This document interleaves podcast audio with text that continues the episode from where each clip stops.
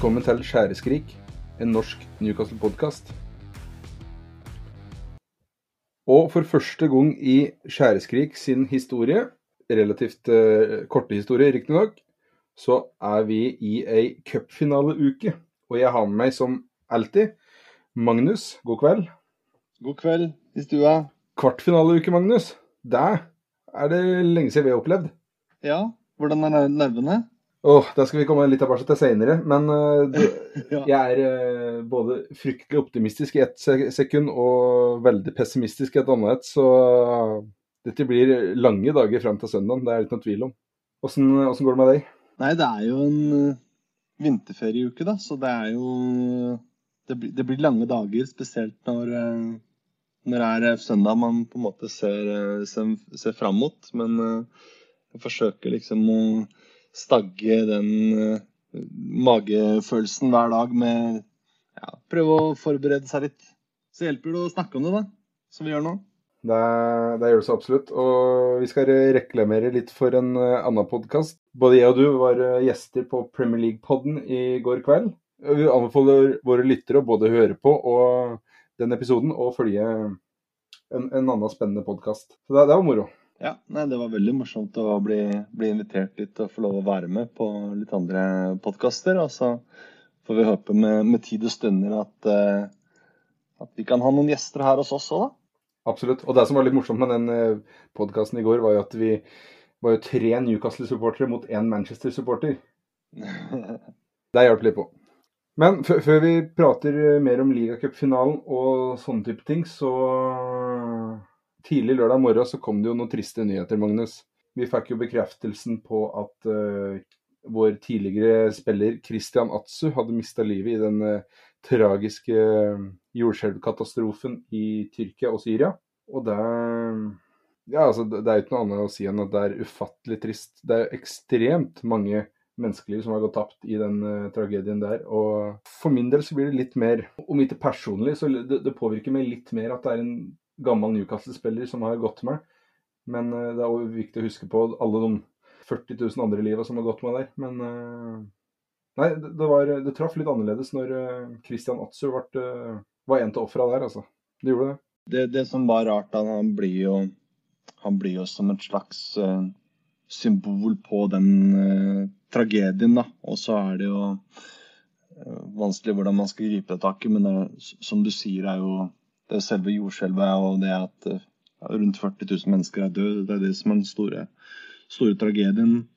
Og så på For vår del så blir det jo bare trist å konstatere da også at Kristian Christian Natsu er, er, borte. Og uh, veldig merkelig historie. Også det her med at han, det først ble meldt at han ble funnet, og så i etterkant så ble det demontert, og så nå når jeg hadde gått en stund nå, så tror jeg ikke det var så veldig mange som ble overrasket over at han da ble, ble funnet eh, omkommet da etter såpass eh, lang tid. Men en eh, veldig fin eh, figur, en veldig fin fyr å ha i klubben. Fikk jo over 120 kamper, var der mellom, mellom 200, 2016 og 2021. Og en veldig rørende hyllest eh, på St. James' Park nå forrige helg med, med kona og, og, to små barn. Um, som vi så var, eh, var tydelig prega av, av, den stunden. Og, og, du var jo også og snakka med, med Dagblad-TV om, om dødsfallet på, på, lørdag morgen.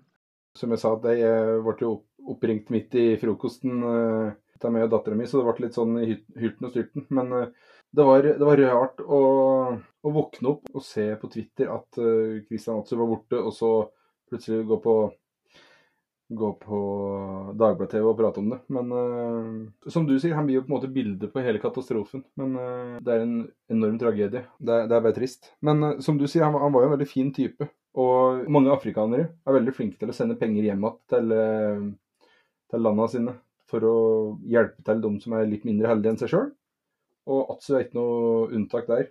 Han har satt opp veldedig formål for uh, forlatte barn, foreldreløse barn og, og, barn som er utsatt, utsatt for eh, menneskesmugling og sånne ting. Og donert enormt med penger til hjemlandet sitt. Så vi kunne ha sagt fryktelig mye om Christian Atsu, egentlig, som fotballspiller. Eh, men eh, jeg syns det er fint å på en måte huske hvor fin person han har framstått å være den tida han levde, da. Med hjelpe dem som har litt dårligere vilkår enn seg sjøl, og være et godt eksempel i så måte. da. Ja, absolutt. Jeg er enig i det. Vi får bare man sier, hvile fred over hans minne. Ja. Men på lørdag så var det òg en annen markering, Magnus. En litt uh, jeg holdt på å si hyggelig gren på St. James' Park. Vedkommende er, eh, er jo borte, han òg, men eh, det var en bursdagsfeiring på St. James' Park for en veldig lokal og veldig stor helt, nemlig sir Bobby Robson. Og jeg skal bare skyte inn der at jeg så et bilde på Twitter av enka eh, Elsie Robson med sønnene hans ved sida av statuen. Og de tre sønnene Han hadde aldri i verden klart å ljuge fra seg det farskapet om han hadde prøvd aldri så mye. De tre sønnene de var kliss like far sin. Det, det, var litt rart å se, for han ene sønnen han, uh, Jeg har jo vært så heldig å møte så Bobby Robson, som jeg har nevnt tidligere. Og han uh, ene sønnen der, han var Jeg, jeg syns han var kliss lik så Bobby Robson. Jeg har faktisk sett samme bilde selv, og det er rart du nevner det. For det første jeg tenkte også, eh, var at eh, eh, Ja, i hvert fall en av de sønnene, sønnene, der var jeg sikker på at det må være broren eller sånt. Da. Men de er jo, nei, de er jo godt voksne, de, de, de sønnene hans nå. De må vel være ja, gått opp mot, mot 60-årene. Um, de barna hans. Men jeg syns det var trist å så, for jeg, de, de, de, står og smiler på bildet, mens Lady Elsie ser ser jo litt mer trist ut. Så hun pleier jo egentlig å, å synes at, at, det er hyggelig å være på sånne anledninger. Jeg har iallfall sett tidligere. Men så er det jo rart å tenke over at for henne så så virker det jo ikke kanskje som om det skal være så, så lenge siden, eller at det, det, kan fortsatt gjøre vondt, da, etter, eh, selv om det nå er flere år siden Bob Robson gikk fra oss. Og så er det vel det at han ble jo huska også som en såpass stor figur. da, Helt eh, unik både som person og som eh, fotballtrener. Og, og, og, vokser vel sånn sett da egentlig bare enda mer eh, jo lenger det er siden han, siden han forlot oss. Så jeg må bare få anbefale spesielt dokumentaren om Bobby Robson som kom for et par år siden. Som jeg nå ikke klarer å huske hva heter. Men den, eh, den er også helt eh, fantastisk å se på, og veldig vanskelig å, eh, å holde tilbake tårene når man, når man, ser. For den forteller mye om han som person. Den dokumentaren du tenker om, den heter Bobby Robson, 'More Than a Manager'? Ja, det gjør den. Og det er jo en dokumentar til som ble laga av Gary Lineker, som er og intervjuer Bobby Robson i Newcastle. Den heter 'Just Call Me Bobby'. Effekten Sir Bobby Robson har hatt på folk, den er vel ganske veldokumentert. Det, det var noe BBC Lifetime Achievement Award som hun fikk av uh, sir Alex Ferguson. Og de orda som blir øst ut der, alle eks-spillere som står oppe på podiet og venter på han Jeg vet veldig godt hvert fall hva Gassa synes om uh, sir Bobby Robson. Flott type, uh, ut ifra de uh, inntrykk vi får fra andre folk. Og så Merita som manager, de prater jo for seg sjøl. Ja, men det er ofte sånn når man snakker om Sir Bobby Robson, så er det veldig sånn fort at man tenker eh, hva om eh, han hadde kommet tidligere tilbake til, eh, Newcastle United og, og vært sjef framfor en del av de merkelige ansettelsene som ble gjort ja, tidligere på, på 90-tallet.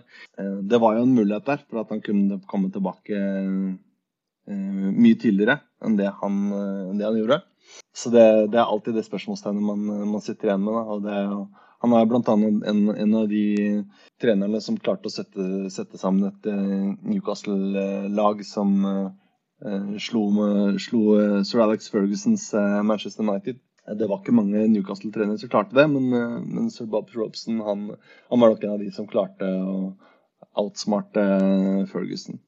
Den dokumentaren som du, som du nevnte, den uh, Bob Robson More Than a Manager, der blir vel også sagt at han hadde muligheten til å komme til Newcastle tidligere, men uh, måtte ære i kontrakt i Barcelona, var det vel.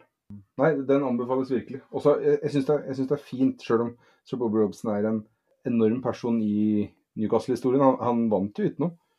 Men uh, den markeringa av Warflags, av klubben, at de tar vare på en stor lokal helt på den måten, og ikke glemmer å hedre sånne store typer, det, det syns jeg er fint. Det er, det er, en ting jeg, jeg håper klubben fortsetter med i all evighet, holdt jeg på å si. Ja. Um, akkurat nå i forbindelse med 90-års uh 90-årsdagen hans så er det jo lansert eh, både en egen fanzine knytta opp til eh, Bobby Robson, som heter Bobby, Bobby 90, som man sikkert kan finne. Det er en rekke med podkaster som ligger ute knytta opp til akkurat det prosjektet på The Athletic, og den som heter Pod on the Time, som jeg jeg er litt usikker på om man får tilgang til det hvis man ikke har The Athletic, men men uh, det er i hvert fall en, en serie podkaster som jeg gleder meg til å høre. Og så vet jeg de har laga en serie med artikler knytta opp til Bobby, Bobby 90 på The for dere som har abonnement.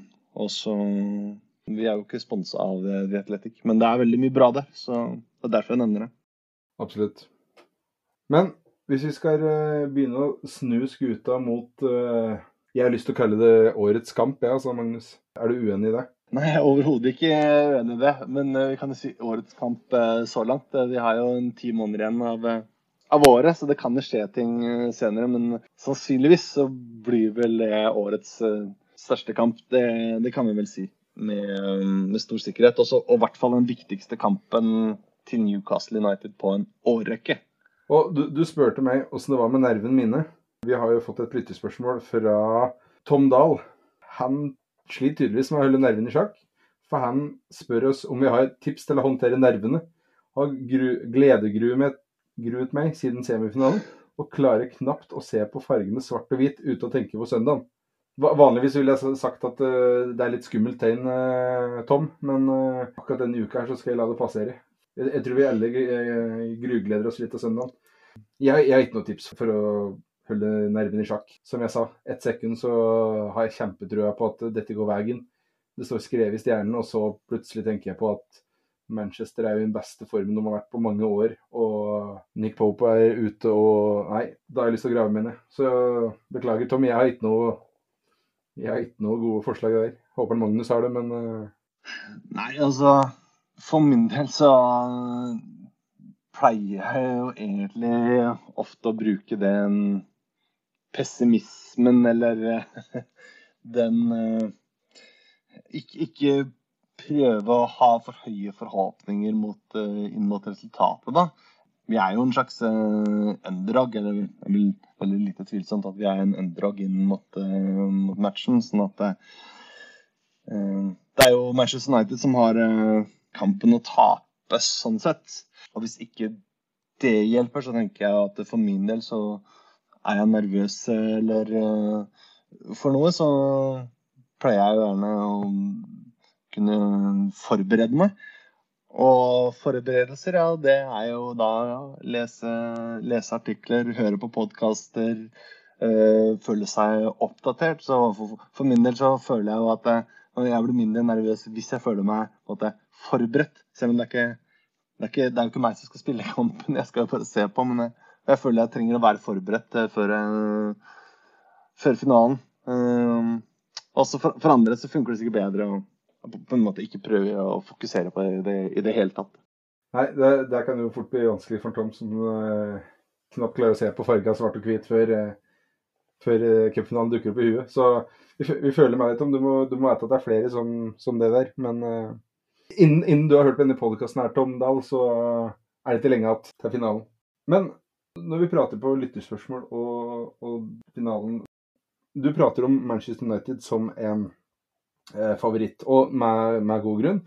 Jeg ser på jeg, jeg, følger litt med på odds og sånne ting, og jeg ser at det er flere de fleste bookingselskaper har Manchester som en relativt klar favoritt. Men Hekki, Mr. Hector Alonso på Twitter, han skriver på en skala fra 1 til 100, faktisk. Hvor knust skal vi bli dersom vi taper denne kampen? Personlig mener jeg så tidlig i dette prosjektet og på flere, møter, øh, flere måter har, har, overprestert i år.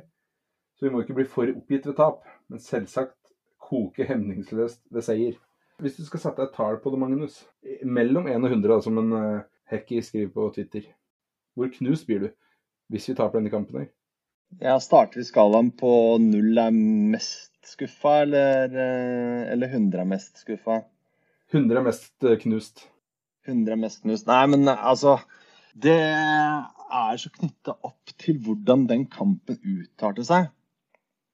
Og på hvilken måte man taper. For hvis du starter den matchen med rødt kort til Newcastle eh, tidlig første omgang, og eh, da et par Manchester-skåringer, og så har du ikke sjanse til å komme inn i kampen, så det er klart at det, det er skuffende. Men altså da er det jo ikke så veldig mye annet å forvente når det, når det, er sånne ting som skjer. Men så er det jo det at hvis det er en jevnere kamp, der vi eh, ryker i sluttminuttene på en eller annen idiotisk eh, VAR-situasjon, eller hva det skal være, det er jo på min del mye, mye verre. Uansett, hvis vi taper den kampen, uansett hvordan det skulle være, så kjenner jeg jo at det, det hadde vært eh, veldig skuffende med all den oppbyggingen og med alle de åra siden sist vi har spilt en, eh, en cupfinale. Men, eh, men, bortsett fra det så har jo han eh, ikke helt rett i det. Han sier at man bør jo ikke bli spesielt skuffa. Det kan komme flere muligheter nå, sånn som fremtiden ser ut.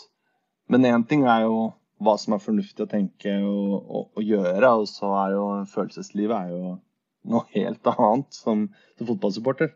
Det er jo det er ikke alltid man klarer å reagere med sånn logikk, da.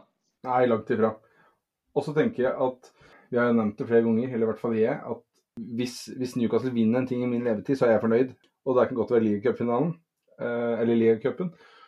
Men så tenker jeg òg at vi, vi, er helt enig med Hector Alonso er at vi, vi, har kommet ganske langt i, i prosessen. Vi har, vi har, nok kommet for langt, hvis vi skal prøve å se litt objektivt på det. Jeg tror nok ingen hadde sett for seg at vi hadde ligget på en uh, topp fire, topp fem-plassering i midten av februar, slutten av februar, og at vi har, uh, skulle være i en cupfinale. Det har vi ikke vært på mange, mange år. Men uh, hvis, vi vinne, hvis vi først skal vinne noe i på det stadiet vi er nå, så er jo eh, ligacupen er perfekt. Fordi det er en Jeg skal ikke si at det er en ubetydelig cup, men det er kanskje den turneringa for engelske lag som betyr minst. Og derfor tror jeg at eh, forhåpningene mine om et truffe, de er, de er store i de neste åra. Og det hadde vært ufattelig deilig å vinne ligacupfinalen i år. Men så tenker jeg òg litt som Hekker, og som du nevner, at vi er, vi er langt foran skjemaet. Eh, det er mye som tyder på at vi vil få i hvert fall noen flere sjanser til å vinne trofeer. Så jeg tror nok ikke jeg vil bli knust hvis vi taper, så, men ganske skuffa. Så hvis 100 er knust og én er eh, likegyldig eller eh, veldig fornøyd, så jeg tror jeg legger meg på en, kanskje en 50-60. Det hadde vært veldig skuffende, men såpass optimistisk for framtida at jeg tror, jeg tror jeg skal klare å overleve akkurat den nedturen der. Ja, altså, jeg synes Det er vanskelig å, å, tallfeste igjen. For, for min del det handler så mye om hvordan vi taper. Eh, hvis det er det som, eh, det som skjer. Nå skal jeg prøve å pushe deg litt, Magnus. Eh, hvis, du, hvis, du, må prøve å legge deg på et, et cirka-tall, sånn per dags dato, hvor skuffa slags knust blir du hvis vi taper denne finalen? Nei, altså med tanke på at jeg, ja, på at jeg, at jeg skal at vi, vi, vi har, Jeg har booka bord ute for å se kampen ute på, på pub med, med, med, sønnen min og en annen Newcastle-sporter og, og, og, sønnen hans og et par Manchester United-sportere. Hvis det tillegg da er fullt med Manchester United-supportere på den puben, så kjenner jeg at da går vi nok opp i over 70, altså. Eh, på skuffelse og liksom skam og, og nedtur, da. Eh, men jeg tar meg litt i det når jeg, når jeg treffer Manchester United-supportere nå. At det kommer gjerne med det poenget at det er jo for så vidt det, det, er vår tur, liksom. Manchester United har vunnet nok uh, trofeer og kan unne oss den her. Men samtidig så som, det er jo ikke sånn fotball fungerer. Da. Det er jo gjerne ikke, jo gjerne ikke sånn man vil vinne et uh, trofé. Man vil jo vinne det ved, ved å være det beste, beste laget, ikke fordi motstander sparer sine beste spillere, eller hva det skulle være. Men, Nei, men, men jeg, jeg, tenker jo litt på den der biten med, med Nick Pope. Eh, det har jo det har blitt snakka masse om det siden det minuttet han ble utvist. Men det, det, er litt sånn derre Uff, det er Karius. Alle fans på Twitter aha, dere skal ha Karius i mål. Uh, dette, dette, klarer dere ikke. Og, og det er litt sånn derre det, det, er et godt utgangspunkt å ha, tenker jeg, for Newcastle. Manchester er i kjempeform. Newcastle skal bruke fjerdevalget sitt fordi Dalo var ut, utlånt. Da. Men vi, vi, skal ha en utskjelt, uthengt keeper i mål. Også, det, er ikke noe fokus på Bruno Gimareish tilbake. Ingen som prater om det. Så lista ligger egentlig ganske lavt. Hvorfor den gjør det, det vet jeg ikke. Men jeg har inntrykk av at lista ligger ganske lavt. Så du prater på det. Manchester det er Manchester sin kamp å tape. Vi har egentlig alt å vinne. Og det, er godt å gå inn i finalen med et sånt utgangspunkt, fordi som supporter så har du nå noen unnskyldninger. Skulle gå galt. Ja, men herregud, vi hadde jo Karius i mål. Vi har sett formen til Manchester. De har jo storspilt siste to måneder. Så jeg har jo selvfølgelig et håp og en drøm om trofé, men, samtidig så ligger lista litt lavt uh, i forhold til det jeg trodde den skulle ligge. altså. Og det er litt godt. Ja, og så som nevnt uh, når vi spilte inn eh, podkast med PL-podden i går, så var det det her med, med Karius, akkurat det fokuset der. Eh, legger jo opp til tidenes sånn gjenoppstandelseshistorie. Hvis det er én person som uh, søker uh, søker uh, redemption, liksom, for, for, en tidligere finale, så er det jo Loris Karius. og sånn sett Det burde jo stå skrevet i manuset at han skal komme tilbake og gjøre tidenes kamp der. Og vinne det trofeet alene for, for Newcastle. Det hadde vært en eventyrhistorie hvis det, det skjente. Ja, absolutt. Også en, en av favorittkontoene mine på Twitter er en som heter Kev Lawson Newcastle-supporter som driver Det er han som har den der YI Scout-kontoen. Han Masse statistikk, og uh, der kan jeg fort bla med bort i mange timer, sikkert. Men han har dratt fram en video fra VM som ble spilt nå i, i høst slash vinter hvor Callum Wilson gir sin Han har et kommer alene med keeper, så å si, men sentrer vel til jeg husker ikke hvem, hvem det er han sentrer til.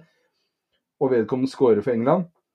Og det, der var jo på en måte Callum Wilson sin eneste mulighet til å få en VM-skåring. Så han mener òg at det står litt hvis det, hvis det, skal være noe rettferdighet her og, og, den biten der Callum Wilson gir opp muligheten sin til å skåre sitt eneste VM-mål, og senteret og England skårer. Hvis det finnes en fotballgud der ute, så bør Callum Wilson spille en stor rolle i finalen. Og hvis du da tar de to scenarioene sammen, at du har en eh, Loris Garius i mål som er enormt gira og gjør sitt livskamp, og så har du en Callum Wilson som, eh, på andre siden av banen som skårer mål, da, da, lukter det seier. Og I tillegg til det så plusser du på den historien om eh, Dan Burns som spiller for barndomsklubben sin i en uh, finale. Og selvfølgelig skal da inn og og avgjøre den på, eh, til, til, klubben sin, eh, sin vegne, da, da, får du mange platter som, som sveiver seg sammen samtidig. Ja, men, men, nå er du med å skru opp forventningene mine enda mer, Magnus, så nå det er, det er skummelt. Men eh, det er jo selvfølgelig en vanskelig motstander som står på, på motsatt banehalvdel på søndag. Vi har prata litt om det før, men Manchester United de er de er, ser ganske skumle ut om dagen, Magnus. De har jo kamp i morgen. Vi spiller inn på onsdag. De har kamp torsdag mot Barcelona. Hjemme, dessverre. Jeg hadde håpet den var borte, men uh, den er hjemme på Old Trafford. De har mye kortere hviletid enn det vi har, men er det, er det stygt å håpe på skader i den kampen, Magnus?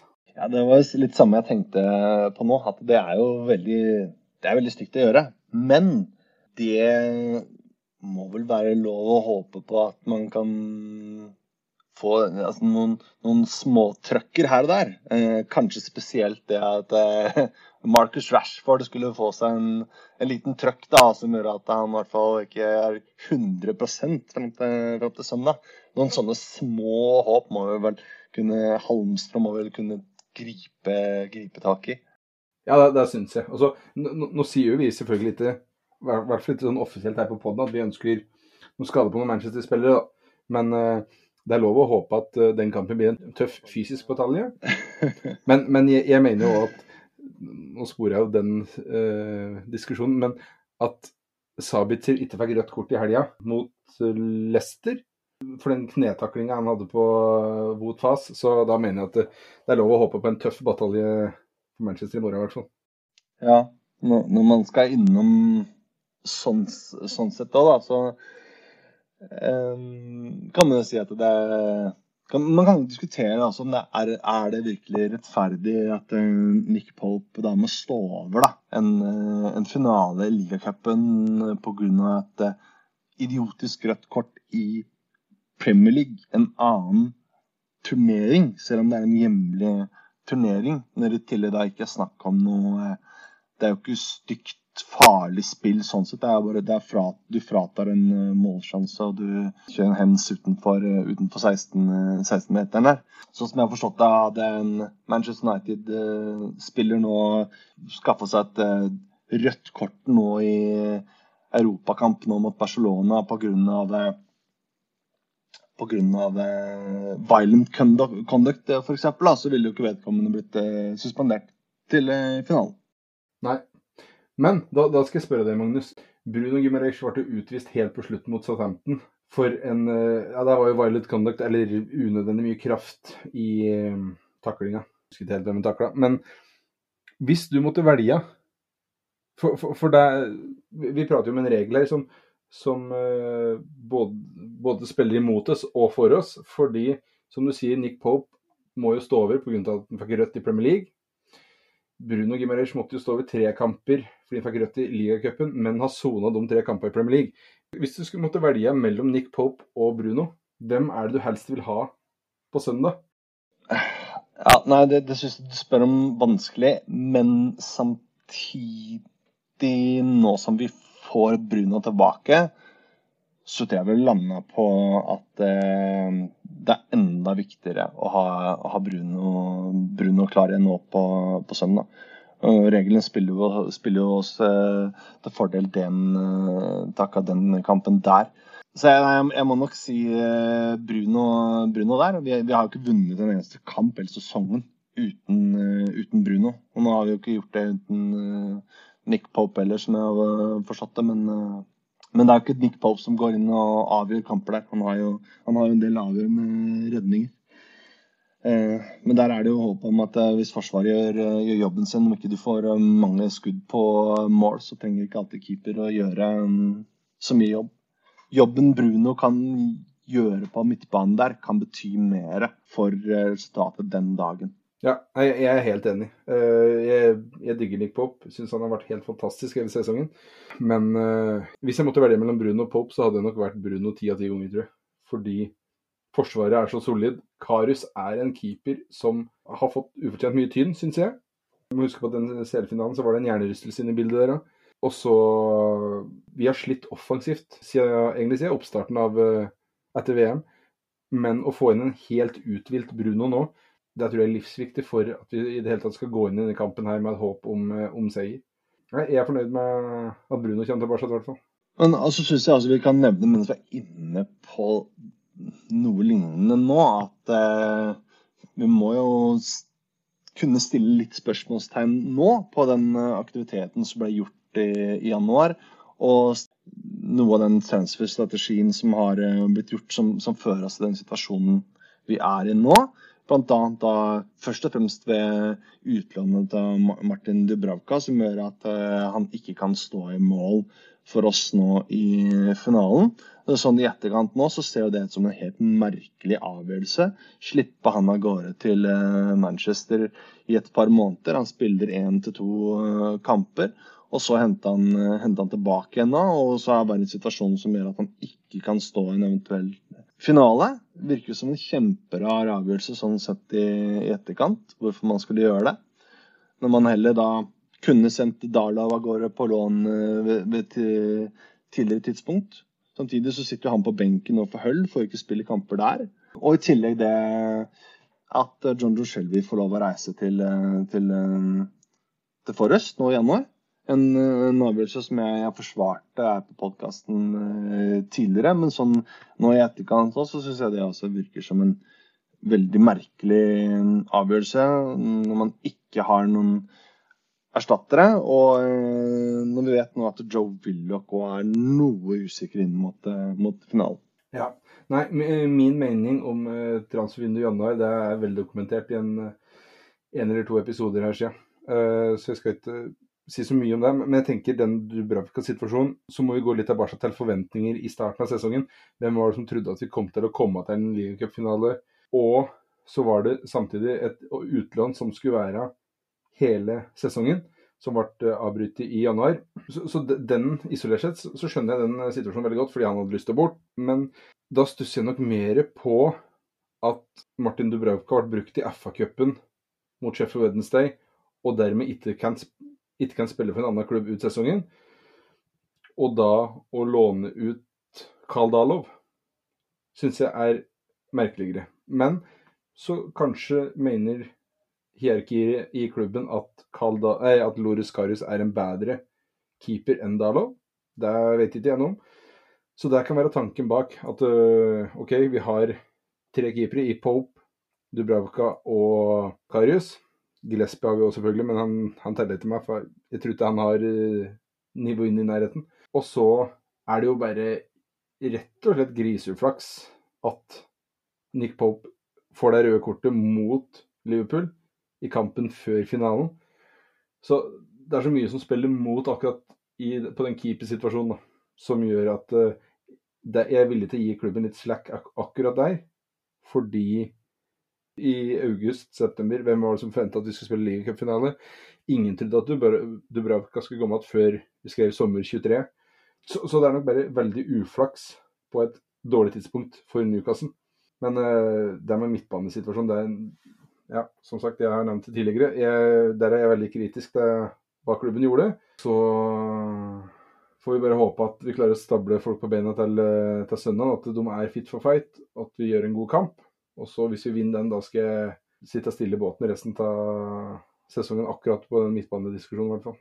Nei, det, jeg håper du har uh, rett i det. Og så er det først uh, etter finalen på søndag at vi, at vi både vet vet dommen da, på, i hvert fall på, på, keepersituasjonen. Og så er det jo etter sesongen at vi først kan se dommen på hvor smart overgangsstrategien har vært. Og så tenker jeg at det, det blir jo da vi må, vi må legge dommen nå hvis hvis det skal medføre både at man taper en ligacupfinale, pluss da hvis den litt mer sånn sparsommelige formen vi har hatt de siste ukene, skal fortsette. Og vi skulle i hvert fall droppe ut av topp fire, men kanskje i tillegg til det droppe ut av topp seks-plassering, da. Selv om jeg jeg tror nok ikke det kommer til å skje, men, men, skulle det skje, så tror jeg nok det er veldig fort å spore det tilbake til eh, en dårlig transferstrategi nå, i hvert fall nå i vinter. Ja, men, men så øh, jeg skal ta med et spørsmål fra Per Øyvind Nordberg. Hva tenker dere om manglende forsterkninger i januar, og hva kan vi forvente til sommeren? Hvis vi deler opp det spørsmålet litt øh, Vi har jo vært inne på manglende forsterkninger i januar, hvor jeg har sagt at jeg ikke er fornøyd med troppen i hvert fall den midtbane indreløper, defensiv midtbaneposisjon. Det har jeg sagt, sagt, mye om, jeg har nevnt litt nå. Eh, du har, du har pratet litt. Så, så jeg, jeg, tror nok det er eh, Jeg tror nok det kan være med å spille inn på resten av sesongen. For nå har vi jo hatt Bruno suspendert i tre kamper. Willoch sliter litt. Så vi har, vi har slitt litt der. Men uh, igjen, hvis alle holder seg skadefri og presterer OK ut sesongen, så kan det jo være en suksess for, for klubben. Fordi jeg har lest at uh, fra troverdige journalister, husker ikke navnet akkurat nå, men det ryktes at det kommer en supersignering til sommeren. Jeg, tror, ikke, den overgangen er klar, sånn at det, det er et navn som allerede er signert. Men vi har jo blitt linka til Jude Bellingham, vi har blitt linka til Declan Rice, bl.a. Og sjøl om jeg kanskje ikke Altså hvis vi går glipp av Champions League, så kan vi nok glemme de to. Det er ikke sikkert de er oppnåelige uansett. Men jeg, jeg, tror vi ser på et navn i den på den hylla der, da. Med Declan Rice, Jude Bellingham. Unge, lovende spillere som, som spiller ekstremt bra per dags dato. Da. Og det tror jeg er grunnen til at Newcastle har gjort sånn som de har gjort at de ikke handla noen i januar, fordi de fikk ikke inn den typen og kvaliteten de ville ha. Og så skal jeg spørre deg, hvis det stemmer at vi får inn en verdensklasse midtbanespiller, sånn cirka i hvert fall, i sommer, er det da verdt det hvis vi går glipp av topp fire og ligacupfinalen? Tenker du det er greit da, eller tenker du fortsatt at det, nei, vi skulle handle inn eh, noe i januar? Ja, men altså det og igjen spørs jo helt på hvordan sesongen etter blir igjen. For hvis det medfører at um, man henter en uh, verdensklasse midtbanespiller nå til sommer som gjør at det, neste sesong blir enda bedre, og kanskje, en, kanskje enda en ny cupfinale da, kanskje topp fire den sesongen, så vil det vise seg at det har vært verdt det å gjøre det på den måten. Og så er det du nevner, Vi har jo snakka om det her tidligere i en annen episode, men uh, Eh, jeg hang meg veldig opp i eh, en artikkel jeg leste om klubbens eh, transferstrategi, som handla veldig mye om at man ønska ikke å få panikk nå i januar. Hente inn over spillere til, til, overpris, men at det skulle hentes inn spillere som var en, en god handel. da. Eh, og det mente man at Anthony Gordon skulle være. Det kan fortsatt hende at, eh, at det skal stemme. Vi håper jo det. Men eh, man kikker fortsatt fremover. Og ser ikke kun på den sesongen her som, det, som den sesongen som man absolutt skal ta trofé, eller absolutt må klare topp fire. Det er noe, det er ikke noe krise for klubben sånn sett. Og, og måtte vente en sesong til på, på å spille i, i Champions League f.eks. Så det er det inntrykket jeg sitter med, i hvert fall at, eh, at klubben har som strategi. Og så, så, blir det, så, blir det, helt umulig å, å svare på det framfor, um, framfor neste um, sesong. Vi som supportere har jo mye dårligere tid og har mindre tålmodighet enn det enn det klubben og den langvarige strategi skal ha, selvfølgelig. Ja, ja. Og det er jo den lang, langsiktige strategien som er Jeg har inntrykk av at klubben er veldig flink til å se langt framover og planlegge langt framover. Og det er i veldig få jobber, eller yrker, du på en måte kan se langt framover, planlegge, og så blir det akkurat sånn du har planlagt. Eh, for Newcastle denne sesongen her så har det gått bedre enn planlagt, sannsynligvis. Og så Eh, de gambla nå i januar, det er, det er min syn på det i hvert fall. Og så kan det hende om den gamblinga eh, lønner seg, eller at det ikke lønner seg. Men allikevel så har de på en måte et langsiktig mål. Hva det er målet er, om det er Premier League-tittel innen 2028, det vet jeg ikke. Men de har en langsiktig plan. Og jeg, jeg føler meg veldig trygg som supporter på det sportslige.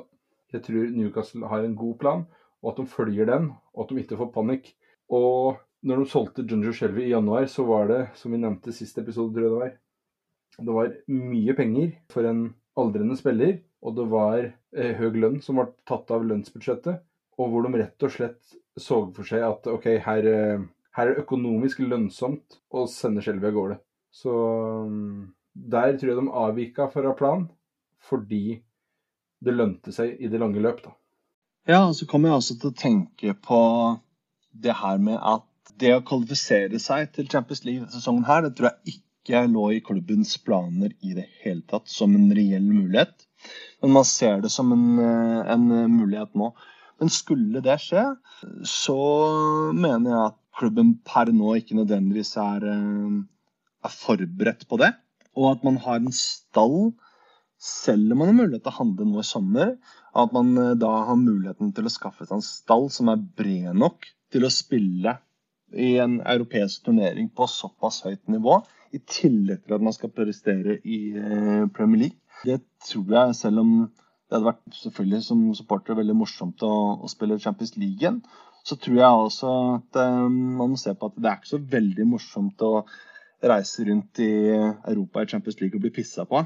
Og um, i verste fall, altså, så, du kan se på det økonomiske, ja. Det kommer uh, penger inn, muligheter for å handle, handle videre. Men uh, i verste fall så setter klubben tilbake i forhold til hvor man hadde planer om, om å ligge. Hvis, uh, hvis den hjemlige formen blir såpass skada av en tøff sesong med, med deltakelse i Champions League i tillegg. Eh, du har jo flere eksempler på klubber som har eh, kommet ut i Europa tidligere før man har vært eh, klar for det. Og spesielt Champions League så er det jo Leicester som et eksempel. da. Nå var de helt, det helt sånn ekstremtilfelle, men de var jo i ferd med å rykke ned den sesongen etter at de vant ligaen. Når de skulle spille Champions League samtidig. Så de klarte jo ikke den, den overgangen.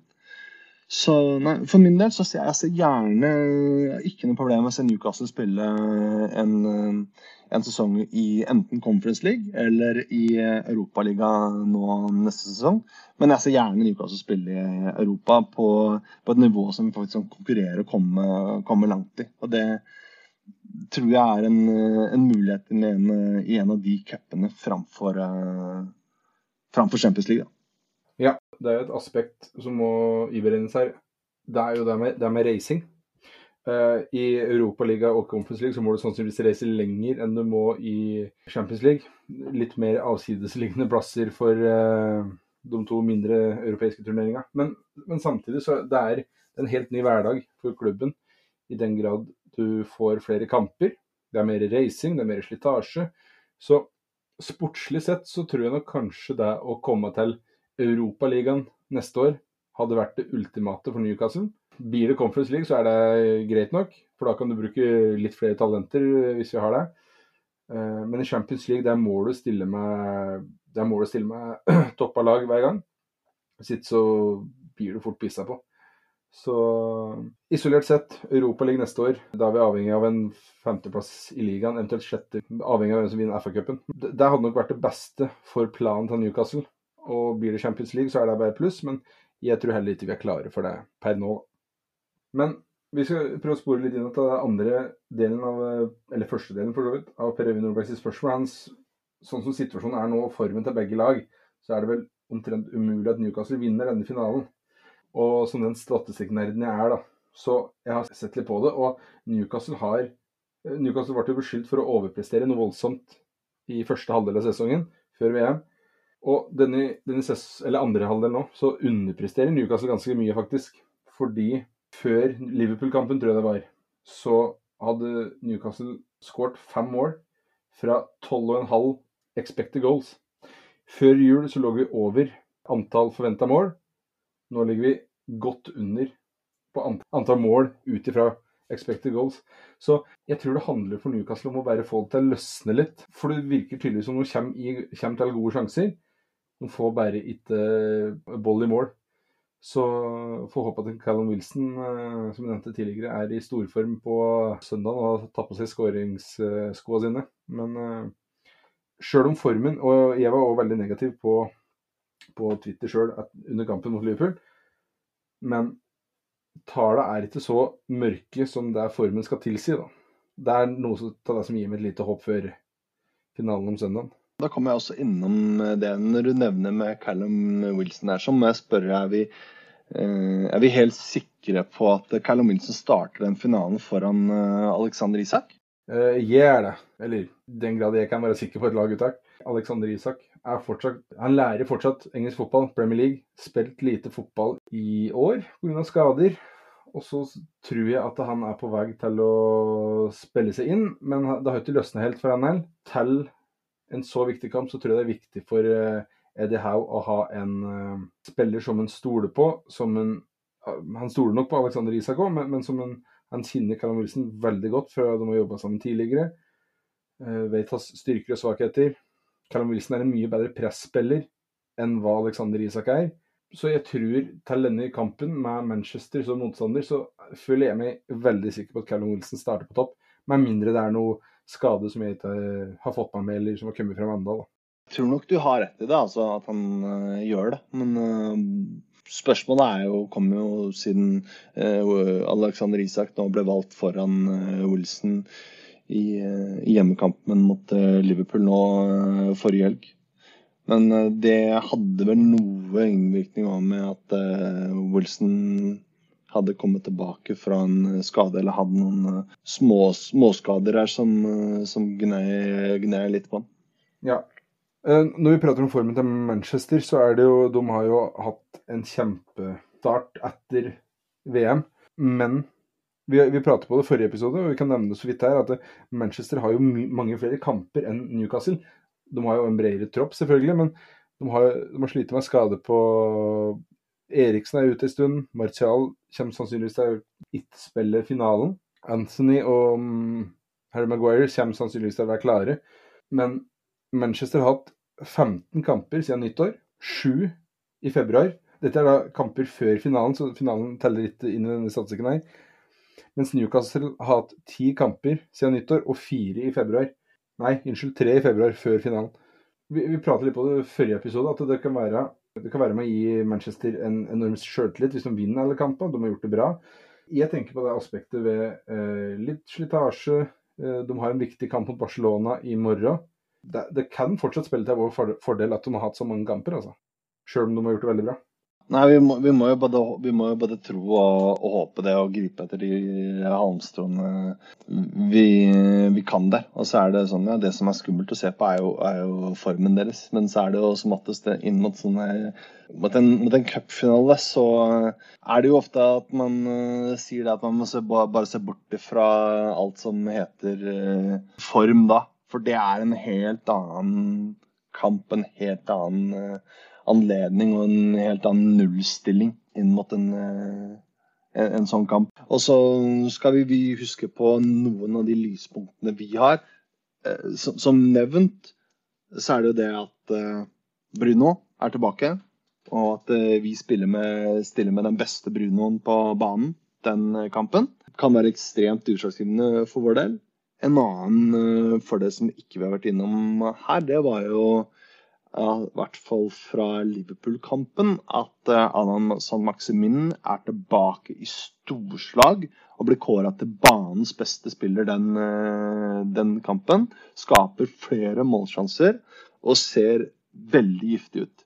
Spesielt giftig er det, uh, viktig er det nå med tanke på at Anthony Gordon også er cuptied, får heller ikke spille, spille, finalen. At vi vet at vi har den trusselen på venstre, venstre kanten der. Det kan, det kan, være viktig for vår del, altså. Ja. Også apropos det med form, så Manchester og Newcastle Det er jo et oppgjør som det har smelt i tidligere. Det er jo gamle rivaler. I hvert fall fra midten og ut uh, 90-tallet. I, I, sånne type oppgjør og en finale så jeg tror form har lite å si. Her handler det om uh, hvilke manager er det som klarer, klarer, å trykke på de riktige knappene på, på spillene sine. Og så er det litt uh, flaks her og der. Og da får vi håpe at vi har mer flaks enn uh, de røde fra Manchester på, på søndag, i hvert fall. Ja, det er i hvert fall vår tid til å ha flaks. I hvert fall med tanke på, at, uh, ja, ja, på den uh, forferdelige kampen mot, uh, mot Liverpool forrige helg, som er avgjort etter ti minutter. Ja, Helt før vi runder av her, så vi har eh, vært innom alle lyttespørsmåla vi har hatt, bortsett fra én. Sander Klev. Han spør om vi har tanker rundt Ryan Frazier sin nedgradering til U21, og eventuelt tanker rundt Loris Karius i mål i finalen. Karius har vi vært innom, men jeg lurer på om du har noen tanker rundt at Ryan Frazier har blitt degradert til U21? Ikke annet at Jeg leste også en artikkel om det i stad før vi begynte å spille inn. og det Um, hovedsakelig det som sto der, var at det handler om at han er ikke en del av uh, planene framover i klubben. Uh, og at han skal selges uh, til sommeren. Det er, men det er jo ofte sånn offisielle, det som kommer ut uh, fra klubben sin side når man, uh, når man, gjør sånne grep. da. Og så er det jo det man kan tenke seg til selv, det er jo at uh, her handler det både om oppførsel eller stemning i garderoben, innvirkning på lagkamerater og private ting som vi, som vi ikke vet. da. Det som virker litt merkelig, også, er jo at uh, Frazier spilte under eh, Eddie Howe i, Bournemouth og, reiste fra klubben samtidig som Eddie Howe gjorde òg. Så skulle tro at de kjente hverandre fra før og hadde et eh, greit forhold. Men litt litt merkverdig er det jo at du setter en A-lagsspiller ned på U21-laget nå. På, på, på, dette tidspunktet, da. Det eneste som ser at det ikke er noe tvil om, det er at han ikke er en del av planene i, i fremtiden. Vet du om du har noen andre tanker? Det at han ikke er en del av framtidsplanen til Newcastle, det har vært klart ganske lenge. Det var vel ganske sterke rykter om at han skulle forsvinne i januar. Det gjorde han ikke. Han uh, har ikke spilt veldig mye. Hvorfor, det vet jeg ikke. Han har slitt litt med skader. Men uh, han har jo heller aldri vært en spiller som har skapt fryktelig mye for Newcastle når han har uh, spilt. Jeg, jeg syns det er litt merkelig at han har blitt satt ned, men jeg ser òg mange fans klager på Craig Hope i Daily Mirror, som har lagt ut den artikkelen at det er et fryktelig dumt tidspunkt å rapportere noe slikt nå. Jeg kan, på å si, kan si meg bitte litt enig i det, men for meg så er det på en måte en ikke-sak. Jeg regner med at det ikke er de aller største kontroversene rundt det, selv om det er litt merkelig. Men uh, han er på vei bort. Han skal bort i sommer, nesten uansett. Det er jeg hellig overbevist om. Så da er det vel bare å si takk for, uh, takk for alt, Ryan Frazier, og lykke til videre neste klubb. Men uh, jeg, jeg har ikke savna han. Kommer sikkert ikke til å gjøre det utover eh, våren heller, sjøl om han fortsatt er i klubben, da. Det må jo sies. Om man tenker at tidspunktet virker litt merkelig, at timingen virker merkelig, så tenker jeg i hvert fall at det ikke er tilfeldig at det skjer noe. For da er det vurderingen at det er mer skadelig da å ha han som en del av A-lagstroppen i, i oppbyggingen til en såpass viktig kamp. Eh, og at det er viktigere å ha han ute av det miljøet da. Og da kan man tenke sitt om, om hva, er til, hva, er grunnen til, det. Vi skal jo vite at han nekta jo skrive ny kontrakt med, med Bournemouth i, i, i, etterkant eller under covid-19. Fordi han ville ikke risikere Eller han nekta vel å spille kamper. Eh, for han eh, ville ikke risikere å pådra seg en skade i forkant av en eh, ny klubb. Noe som minner meg igjen veldig om den situasjonen som Michael Owen var i på slutten av hans kontraktperiode i Newcastle. Så det er ikke alltid at man på en måte, nå, nå, var det til vår fordel en her når, når Frazier kom til, til, Newcastle, men det har jo jobba mot oss eh, tidligere. Det er ikke alltid at man tenker at det virker som den mest eh, reale eller faire, faire tingen å gjøre overfor en klubb man har eh, kontrakt med. da. Nei, jeg er enig. Samtidig så, så skjønner Ryan Frazier veldig godt med tanke på at han hadde på en måte karriere å, å forholde seg til, og veldig merkelige omstendigheter der han hadde jo bedre forhold til Bournemouth som klubb og fans enn det Michael Owen hadde i Newcastle. Så selv om situasjonen er litt like, så skal jeg unnskylde, prøve i hvert fall, å unnskylde Ryan Frazier litt for eh, akkurat den. Selv om jeg som fan sikkert hadde vært fryktelig irritert over det sjøl. Det blir spennende å se hvor ferden går videre for Ryan Frazier. Han var jo linka til både Southampton og Everton i januar. Jeg tviler på at vi ser han i Premier League noen gang etter, eh, etter sommeren. Og så kommer jeg med helt nå på, på tampen, før vi gir oss jeg, jeg, jeg, lar deg ikke få lov å slippe før jeg har tatt en liten quiz på deg i dag òg, altså. For jeg mener, da, det er greit å ha i bakhodet at uh, forrige cupfinale Newcastle spilte, var mot uh, Manchester United igjen, i mai 1999. Og da syns jeg det er på sin plass at uh, du svarer meg på på lagoppstillingen til Newcastle United den dagen. Eh, og da forventer jeg ikke full pott, men jeg tenker at, eh, at du i hvert fall skulle klare fem av de. Den, eh, den så ikke helt komme. Jeg begynner med Shay, Given i mål. Du skal få et halvt poeng her, fordi Shay Given starter på benken. Han er en del av uh, troppen, så det er greit. Jeg er jo dårlig på dette her. Vi har uh, jeg er fryktelig dårlig på å huske når spillere var i klubben. Eh, Nolberto Solano. Starter. Ja. Eh, 99. Eh, eh, har vi Gary Speed Senter jeg opp midten der? Starter. Da har du to. Rob Lee. Da har du tre. Alan Shearer på topp, selvfølgelig. Riktig. Fire. Men vi spilte eh, fire. Eh, stoppere har vi Dabbisas. Riktig. Nei. Fem. Jo da. Ja, Starter kampen. skal vi se. 99. Uh, jeg sliter litt med venstrebacken her, og høyrebacken. Er Warren Barton en av? Sitter på benken. Ah. Mange har jeg. Jeg har fire. Fem. Jeg har fem, ja. Uh, Og så, ja, i, i tillegg til uh, Given og Barton på benken. da. Så jeg er jo faktisk Ja. imponert så langt. Eh, venstre, venstrekant. Jeg, har- jeg har lyst til å si Laurent Robert, men uh, nei. nei. Har vi han eh, Har vi Olivier Bernard på venstreback? Nei. Nei. Det er Nei, da skal jeg slutte å Nei, da skal du få, få, få resten. Eh, fordi eh, du tar de mest åpenbare nå, men, men det er altså Steve Harper som starter i mål. Eh, du har ikke Andy Griffin på høyre back. Du har ikke Didier Domi på venstre back. Og Lauren Charvet på, eh, som midtstopper. Eh, og så bommer du på Dietmar Haman på midtbanen. Ja. Eh, Solano Lie har du, Speed har du. Eh, Ketspaya starter eh, rett bak eh, Alan Shearer. Og så eh, på benken, inn fra benken, Silvio Marec, Steven Glass og Duncan Ferguson, faktisk. Men det, det her er jo Ruud Gullit eh, det her er jo Ruud Gullit-tiden. og han, han eh, var det jo helt umulig å vite lagoppstillingen på. så De visste jo ikke jeg leser dere med det da, de visste jo ikke hvem som skulle starte kampen før samme dagen. Men vi, vi unngår det nå til søndag. ja. Samme feilen gjør ikke Eddie her, i hvert fall. Men da er det vel bare å si lykke til på søndag, Magnus. Jeg ønsker deg god tur og håper å høre fra deg. Tusen takk. Jeg kommer til å sende deg en god del både bilder og filmer og jeg vet ikke hva det er, på, i hvert fall på Messenger. Det er hyggelig. Jeg føler jeg nesten som en del av rettsfølget, så det vil jeg gjerne. Og så hvis det blir noen bra videoer eller noen seiersscener, så skal, eh, skal jeg dele med alle våre følgere på, på Twitter og Facebook. Absolutt. Men da gjenstår det bare én siste ting å si, Magnus, og det er How are the lads? How are the lads?